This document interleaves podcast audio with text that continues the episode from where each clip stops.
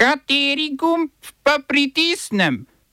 Tisti, na katerem piše OF. Pakistan izvedel zračne napade na iransko ozemlje. Spremembe kazanskega zakonika s femicidom v Hrvaškem saboru. Švarc Pipan zaradi nakupa sodne stavbe na zagovor Golobu.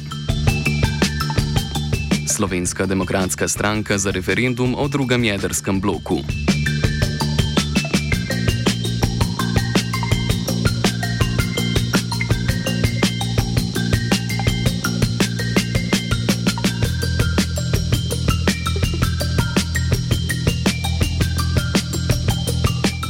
Dobr dan, poslušate poročila na Radiu Student. Vlada Združenih držav Amerike je jemensko gverilsko vlado pod vodstvom gibanja Ansar Allah označila kot teroristično organizacijo. Označba bo začela veljati čez 30 dni. Ansar Allah, ki jih na Zahodu imenujejo Hutiji, ameriška vlada prvič označila kot tujo teroristično organizacijo in kot posebej določeno globalno teroristično organizacijo pod vlado Donalda Trumpa. Oznak je aktualni zunani minister Anthony Blinken razveljavil februarja 2021.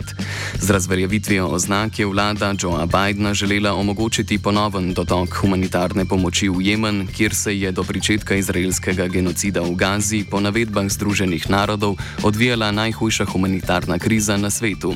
Ta je bila posledica saudsko-emiratske blokade jemenskih pristanišč in izbruha epidemije kolere, ker jemensko prebivalstvo ni imelo dostopa do pitne vode. Ponovno odločitev Ansar Allaha za teroristično organizacijo Washington upravičuje z obrambo prehoda tovornih ladij v Rdečem morju, kjer Ansar Allah približno tri mesece napada tovorne ladje povezane z Izraelom. Hutijska vlada v Usani se je odzvala, da kljub novi ameriški dezignaciji ne namerava prenehati s svojimi vojaškimi dejavnostmi v Rdečem morju. Združene države Amerike tako nadaljujejo bombardiranje Jemna. Četrtega dne zračnih napadov so uničili 14 hutijskih raket, za katere v ameriški vojski trdijo, da so bile pripravljene za uporabo.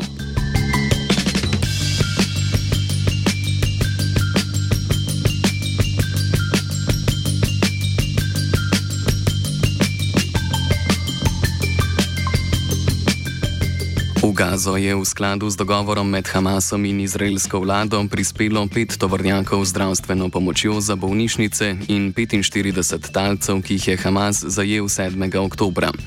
Na vkljub humanitarnemu dogovoru je izraelski minister za nacionalno varnost Itamar Ben-Gvir na izraelski televiziji Channel 13 pozval k popolni vojaški okupaciji Gaze in k razselitvi tamkajšnjega palestinskega prebivalstva. V te namene je izraelska okupacijska vojska razstrelila še eno hišo vzhodno od mesta Rafa, v kateri so ubili 16 civilistov, vključno z otroki.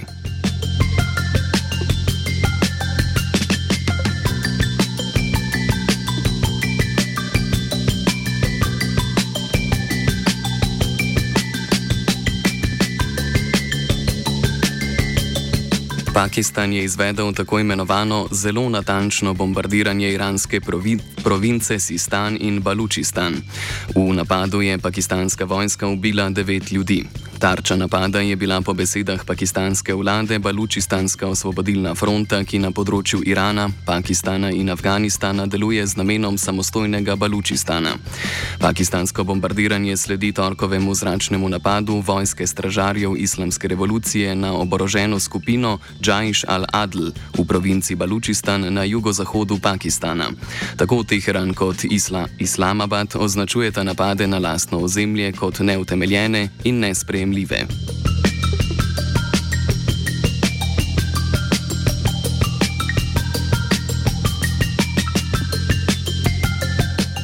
Četrti zaporedni zmagi nekdanjega vojaškega oficerja Azalija Asumanija na predsedniških volitvah na Komorih so na otočju z očitki o volilni goljufiji izbruhnili protesti. Tamkajšnja vlada je po nasilnem zatrtju protestnikov v glavnem mestu Moroni razglasila policijsko uro. Poleg uporabe sozivca in zapiranja protestnikov je odločitev za policijsko uro med ukrepi, s katerimi želi ponovno izvoljeni Asumani umiriti nezadovoljne prebivalce.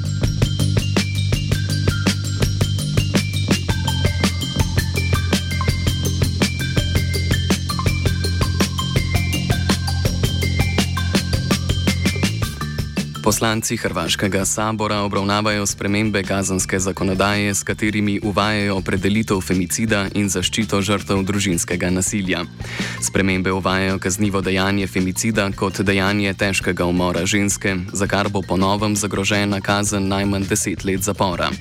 Uvajajo tudi kazansko odgovornost za vse primere spolnega nadlegovanja.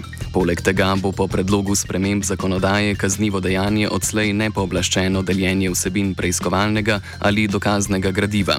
Vladajoči Hrvaški demokratski zvezi premijeja Andreja Plenkoviča trdijo, da je prepoved objave preiskovalnih gradiv potrebna za varnost žrtev femicidnih in drugih kaznjivih dejanj. Vendar pa hrvaški novinari na to gledajo kot na poseg v novinarsko pravico do obveščanja javnosti, govori Hrvoje Zovko, predsednik Hrvaškega novinarskega društva. Jedan od najvećih udara na novinarsku profesiju u zadnjih 30 i nešto godina u Republici Hrvatskoj, ovo je zakon opasnih namjera i njegov jedini motiv je zaštita vla, vladajućih, pogotovo ako uzmemo u obzir da Hrvatska ove godine ima super izbornu godinu, znači imamo evropske izbore, imamo parlamentarne, imamo i predsjedničke izbore. Mi ćemo se boriti svim dozvoljenim sredstvima i jednostavno o, svi oni koji u Saboru Republike Hrvatske dignu ruke za ovakav zakon opasnih namjera su sudionici u udruženom zločinačkom poduhvatu koji ima za cilj uništenje e, e, javnog interesa, odnosno zastrašivanje svih onih koji žele objaviti informacije koje su u javnom interesu. Smo se osamosvojili, nismo se pa osvobodili. Naslednje štiri leta še 500 projektov. Izpiljene modele, kako so se strani nekdanje LDS rotirali. Ko to dvoje zmešamo v pravilno zmes, dobimo zgodbo o uspehu. Takemu političnemu razvoju se reče udar. Jaz to vem, da je nezakonito, ampak kaj nam pa ostane? Brutalni obračun s politično korupcijo. To je Slovenija, tukaj je naša zemlja, to je Slovenija, Slovenija, Slovenija. Vlada je ministra za finance Klemna Boštjančiča imenovala za glavnega pogajalca pri prenovi plačnega sistema javnega sektorja. Pogajanja o stebru za zdravstvo in socialno varstvo bo vodil ministr za javno upravo Franz Props. Boštjančič je dejal, da si vlada želi takojšnjega nadaljevanja pogajanj. Lani je vlada reformo plačnega sistema zamaknila v leto 2025, a v začetku leta so zahtevami po višjih plačah na njo začeli pritiskati zdravniki in sodniki zdravniki. Zdravstvena ministrica Valentina Prevoljnik Rupel je zdravniški sindikat Fides pozvala vsaj k zamrznitvi stavke in nadaljevanju pogajanj.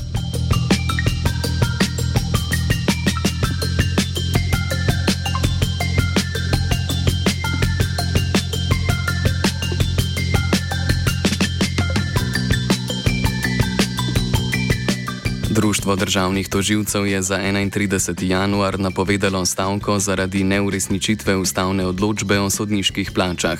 Pod sklep o začetku stavke se je podpisalo več kot 170 članov društva.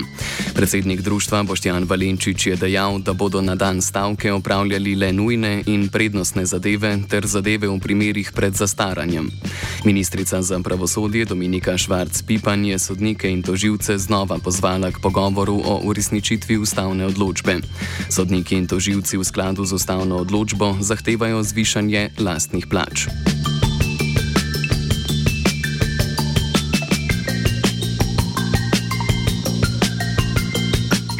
Dominika Švarc-Pipan mora predsedniku vlade Robertu Golobu še danes prinesti poročilo o odgovornosti zaposlenih na Ministrstvu za pravosodje, ki so operativno sodelovali pri sklepanju skoraj 8 milijonske pogodbe za nakup sodne stavbe na Litijski cesti v Ljubljani.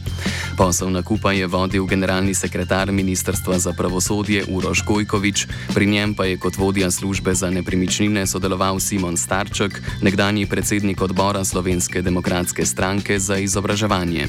Urednost nepremičnine je med letom 2017 in lanskim letom, ko je ministrstvo stavbo kupilo od poslovneža Sebastiana Vežnavarja, poskočila za skoraj 5 milijonov evrov.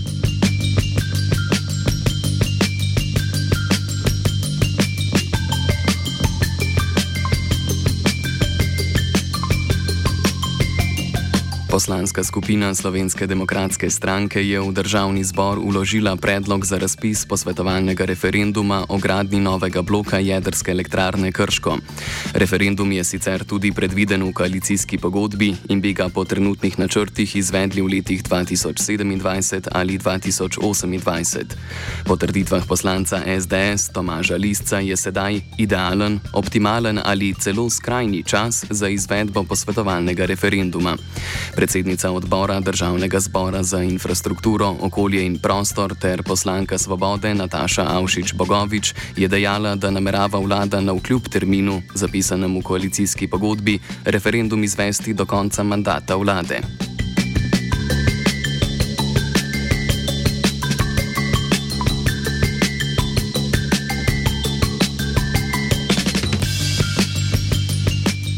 Upravno sodišče je pritrdilo odločitvi Komisije za preprečevanje korupcije, ki je spoznala Jureta Lebna za krivega kršitve integritete.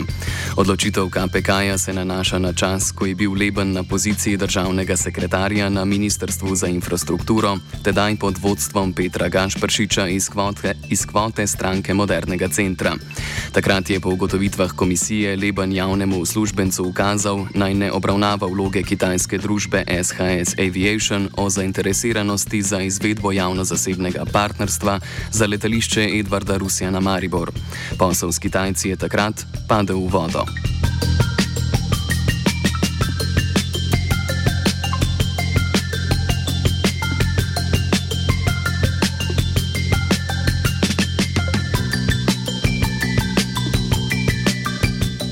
Veterinarski inšpektorat kmetij Možgan urača 13 krav, ki so jih kmetu Rudi v Možganu novembra lani v bližini Krškega zasegli z očitkom zanemarjanja. Iz inšpektorata so sporočili, da so po včerajšnjem obisku kmetije ugotovili, da so bile vse prej ugotovljene nepravilnosti odpravljene. Uprava za varno hrano je veterinarski inšpektorici Danuši Štiglic zaradi hujših kršitev pravil upravnega postopka pri oduzemu goved izrekla opozorilo pred redno odpovedjo pogodbe o zaposlitvi. OF je pripravil vajenec David, mentoriral je Jan.